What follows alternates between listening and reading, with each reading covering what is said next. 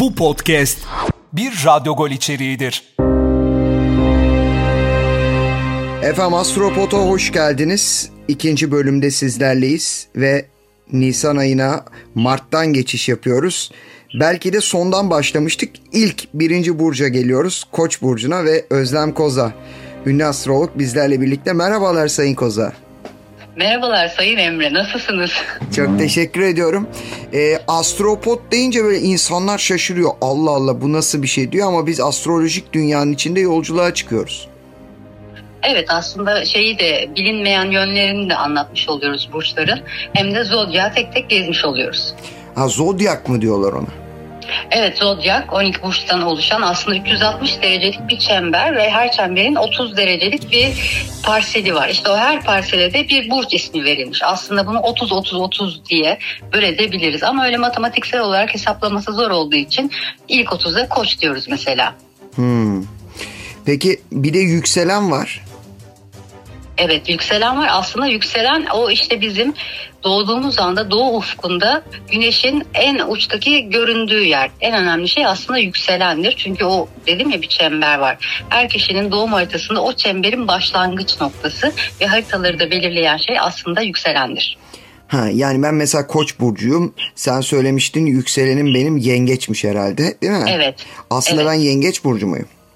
Yok hayır yükselen yengeç demek e, en temel motivasyonu bizim e, sağlıkla ilgili olan durumumuzu hayatta bizi motive eden şeyleri yeteneklerimizi yükselenimizi anlatır. Hmm. Yani senin benim de yükselenim yengeç ikimizin diyeyim o zaman ikimizin de aslında en temel motivasyonu ailevi konular e, duygusal anlamda güvence altında olma isteği sevdiklerimizi koruyup kollamak. Aa evet bu arada biz seninle aynı gün doğmuşuz bir de değil mi? Evet biz aynı gün doğduk. Aslında çok benziyoruz. İkimiz aynı gün doğduk. İkimizin de yükseleni yengeç ama bir tek bu ikisi benziyor. İşte diğer gezegenler de bizim diğer konulardaki e, farklılıklarımızı gösteriyor. Mesela Merkür gibi düşünme şeklimiz farklı. Mars gibi hareket etme, eylem alma, işte motive olma şeklimiz farklı. Bunlar da hani bizi ayıran özellikler. Ama mesela sen de gazete, televizyon işindesin. Aynı zamanda evet. geçmişten bugüne Türkiye'nin en önemli senaristlerinden birisin. Hem de aynıyız yani. Aslında çok fark yokmuş ya. Tabii yani ama mesela bak şöyle farklılıklar var. O kadar güzel bir şey söyledin ki senin Merkür'ün ben biliyorum şimdi haritanın tepe noktasında. Bu meslek göstergesi ve sen e, uzun yıllardır futbolla ilgili, sporla ilgili, her dalıyla, branşıyla ilgili e, haberleri iletiyorsun. Ekran yüzüsün aynı zamanda. Çünkü meslek göstergen Merkür en tepe noktasında. Benim meslek göstergem Mars. Mars benim tepe noktamda ve ben e, aksiyon filmleri çeken bir yönetmenim. Aynı zamanda aksiyon alan işlerle birlikte olan e, kişilerle bir aradayım. İşte o Merkürle Mars arasındaki fark mesela bu. Hani insanlar diyorlar ya böyle e, o da aynı bu da aynı farklılıklarımız neler? İşte bunlar da bizim farklılıklarımız olmuş oluyor. Peki e, şimdi balıktan koça evrildik. E, koçta evet. neler bekliyor bizi?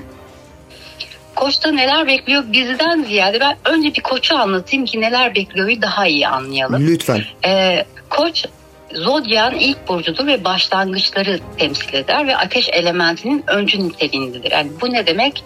Element anlamında söyleyeyim. Ateş elementi motivasyonla ilgilidir ve birazcık bunu şey gibi düşünebiliriz. Bir arabanın motoru gibi. Bizim hareket almamızı sağlayan, başlatan bir enerjidir. Ee, yöneticisi Mars'tır. Zaten Mars motive olmak, hareket etmek, mücadele etmek ve girişimde bulunmakla ilgilidir. Yücelim yöneticisi de Güneş'tir. Kendimizi göstermekle de ilgilidir.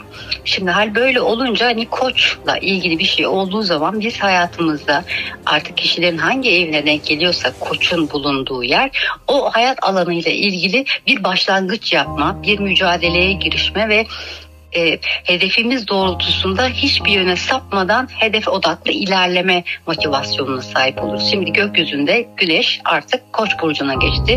Yani her birimiz aslında bir şeyleri başlatmakla ilgili ciddi anlamda motive olmuş durumdayız. Başlatmak adına çok önemli ve güzel bir zamanı sembolize eder. Muhteşem. Bizi ne bekliyor'a dönelim dilersen. Koçları önce mesela sağlık herkes sağlığı merak eder. Sağlıkla başlayalım. Tabii.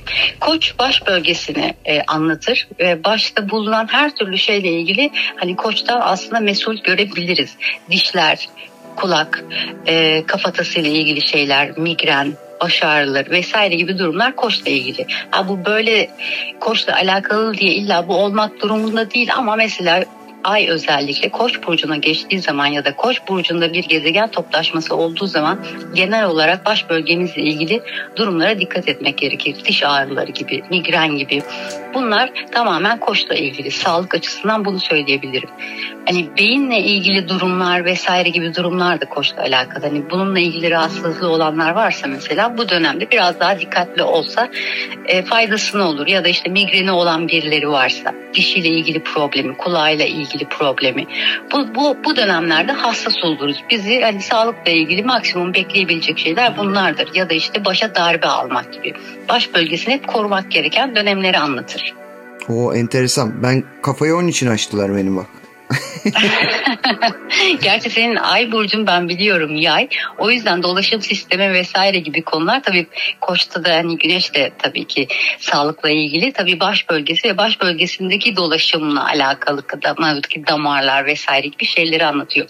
Mesela bende koç sterlimi var. Ciddi anlamdaki tek sağlık sorunum yani bu da bilir yani insanlarda ne gibi büyük sağlık sorunları var hani böyle de söylenmez belki ama diş bölgem benim hep sorunumdur hmm. ve yani ağzımda kanal tedavisi görmemiş diş yok diyebilirim yani. Evet benim de gastroenterolal sorunlar vardır hep böyle işte dolaşım sistemi dedin ya enteresan. Evet. Peki e, sağlıktan paraya geçelim para. Para koç girişimle ilgili olduğu için koç burcu e, kendi kaynaklarını yaratma. Hani tabiri caizse hani dışıyla tırnağıyla kazıyarak gidip onu almakla ilgilidir. Ön kapıyı çalma cesareti olarak da anlatılır koçla ilgili. Koç çok girişimci e, bir burçtur. O yüzden hani parayla ilgili konularda aksiyon almak, bir şeylere yatırım yapmak, yeni bir şeylere girişmek ve tuttuğunu koparmakla alakalı olduğu için bu dönemlerde özellikle e, yükseleni balık olan için para kazanma anlamında ciddi güzel şanslı bir evreyi anlatır. Aile ve aşk Aile ve aşk konusunda şimdi koçun bir kendine ait olan şeyleri korumakla ilgili bir motivasyonu da vardır. O yüzden ona ait olan her şey aslında çok önemlidir. O yüzden hani dokunanı da yakar öyle bir durum var. Aile çok önemlidir. Aşk konusuna geldiğimizde burada birazcık Venüs'e bakmak lazım. Eğer Venüs'ü koçtaysa birazcık şöyle anlatayım. Hani şimdi dedik ya Mart'ın sonu Nisan'ın sonuna kadar olan devreyi anlatır. Hatta şöyle bir laf da vardır. Mart Nisan ayları gevşer gönül yayları. Birazcık Venüs Koç bunu anlatır aslında. Bu e, çok ciddi anlamda bir başlatma enerjisi var ama sürdürmekle ilgili problemi olduğu için ve çok ben merkezde olduğu için ilişkiler anlamında özellikle Venüs koç olan insanlar sıkıntılıdır. Ee, dediğim gibi ama sadece güneş koç yani yükseleni koç ya da burcu koç olanlar için söylemiyorum bunu. Venüs'ü koç olan insanların birazcık karşı tarafla e, ilgili böyle bir dengeyi korumakla ilgili problemleri olabilir. Genel itibariyle söylüyorum bunu. Ama onun dışında e, güzel bir yerleşkedir. E, ve tabii ki en önemli hadiselerden biri e, ülkenin durumu ne olacak? Çünkü mesela e, bazı ülkeler koç ülkelerin de burçları var. Sen ona da tabii, bakıyorsun. Tabii. Mesela biz 29 Ekim gibi konuşuyoruz. Ama genel ülke havası ne olacak? Mesela ne bekliyor bizi 14 Mayıs'ta seçim var. 14 Mayıs'taki seçim aslında tam böyle 5 Mayıs'a bir tutulma olacak. Onun etkisinde gireceğiz. Biz hani koçtan ziyade boğa ile ilgili ama 20 Nisan'da bir koç burcunda bir güneş tutulması olacak. 29 derece. Hani dedim ya demin 30 derecelik parseller. Bu son dereceleri birazcık analitik diye nitelendirdiğimiz e, zorlayıcı bir derecedir. Aslında bir şeylerin bittiği ve yeni bir başlangıcı da sembolize eder. Boğa burcunda da 5 derecede e, pardon 14 derecede bir tutulma olacak. Bu birazcık şeyi anlatıyor. Bizim ülkemizin haritasında e, Koç 10. eve denk gelir. Orası toplum önündeki görünen yerdir. Aynı zamanda iktidarı anlatır. E, ve dünyadaki duruşumuzu da sembolize eder. 14 Mayıs'taki seçimle ilgili şimdi Merkür'ümüz bizim retro olarak gireceğiz. Bu birazcık şeyi anlatıyor. Yani bir şeylerin ikilemesi olarak düşünebiliriz. Yani ya ikinci tura kalma diyebilirim ya da işte seçimle ilgili bir erteleme bir şey olabilir ya da seçim yapılır çok sürmeden bir kez daha seçim yapılabilir. Bunu anlatıyor olabilir genel itibariyle. Ama özellikle Nisan'ın 20'si ve Mayıs'ın sonuna kadar şöyle anlatayım. Nisan'ın ortasından Mayıs'ın ortasına kadar olan dönemde ülkecek bizi çok hareketli, ciddi anlamda dönüştürecek büyük etkileri göreceğimiz bir süreci anlatıyor ki bu bütün bir yıl ta ki e, 28 Ekim'de bir tutulma olacak ki bizim ülkemizin doğum günden bir gün önce güneşimizin üstünde olacak. Ciddi bir şeyden geçiyoruz. Dönüşüm evresinden geçiyoruz. Şimdi 11. eve de kayıyor Koç burcu. Birazcık orada dedim ya 29 derecede olacak biz belki şeyi görebiliriz. Ciddi anlamda bir mecliste değişiklik görebiliriz. Milletvekillerinde değişiklikler olabilir. Ya da işte tekrardan hani konuşuluyor ya şimdi belki parlamenter sisteme döneriz ya da başka bir şey evriliriz. Ama o anlamda da o alanda da büyük bir değişiklik göreceğimizi öngörüyorum ben. E, son olarak sen Galatasaray şampiyon olur demiştin. Ta Ekim ayında. Hatta evet. Fenerbahçe o ara çok iyi gidiyordu. Aynı mı hala? Evet aynı hala ee, bir Fenerbahçeli olarak bunu söylemek bana o kadar aslında acı veriyor ki ama Fenerbahçe bu yıl bir ara evet iyi gitti hatta bunu konuştuk ama Galatasaray'ın ben şampiyon olacağını düşünüyorum. Bunu da e, profeksiyonundan ilerleyerek bir teknik var. E, tam aslında tarihlerini saatlerini bilemiyoruz takımların o yüzden ben yıl bazında gidiyorum 10. ev profeksiyonunda ve şu andaki dört büyük üzerinden daha çok hani konuşuyoruz. E, Galatasaray en fazla 10. evde olduğu için profeksiyonu e, potansiyele sahip olan takım. Mesela gelecek yılda aslında e, Beşiktaş diyeceğim. Aa enteresan bak şimdiden konuştun. Peki evet tutarsa var ya yemin ediyorum efsane olacaksın. yani e, umarım tutar çünkü e, bu eğer tutarsa biraz da ben şey Galatasaray şeyini de çözmeye çalışıyorum. E, maçlarda aldığı açılara bakarak hani yükseleni ne olabilir, saati ne olabilir hani rektifiye etmeye çalışıyorum.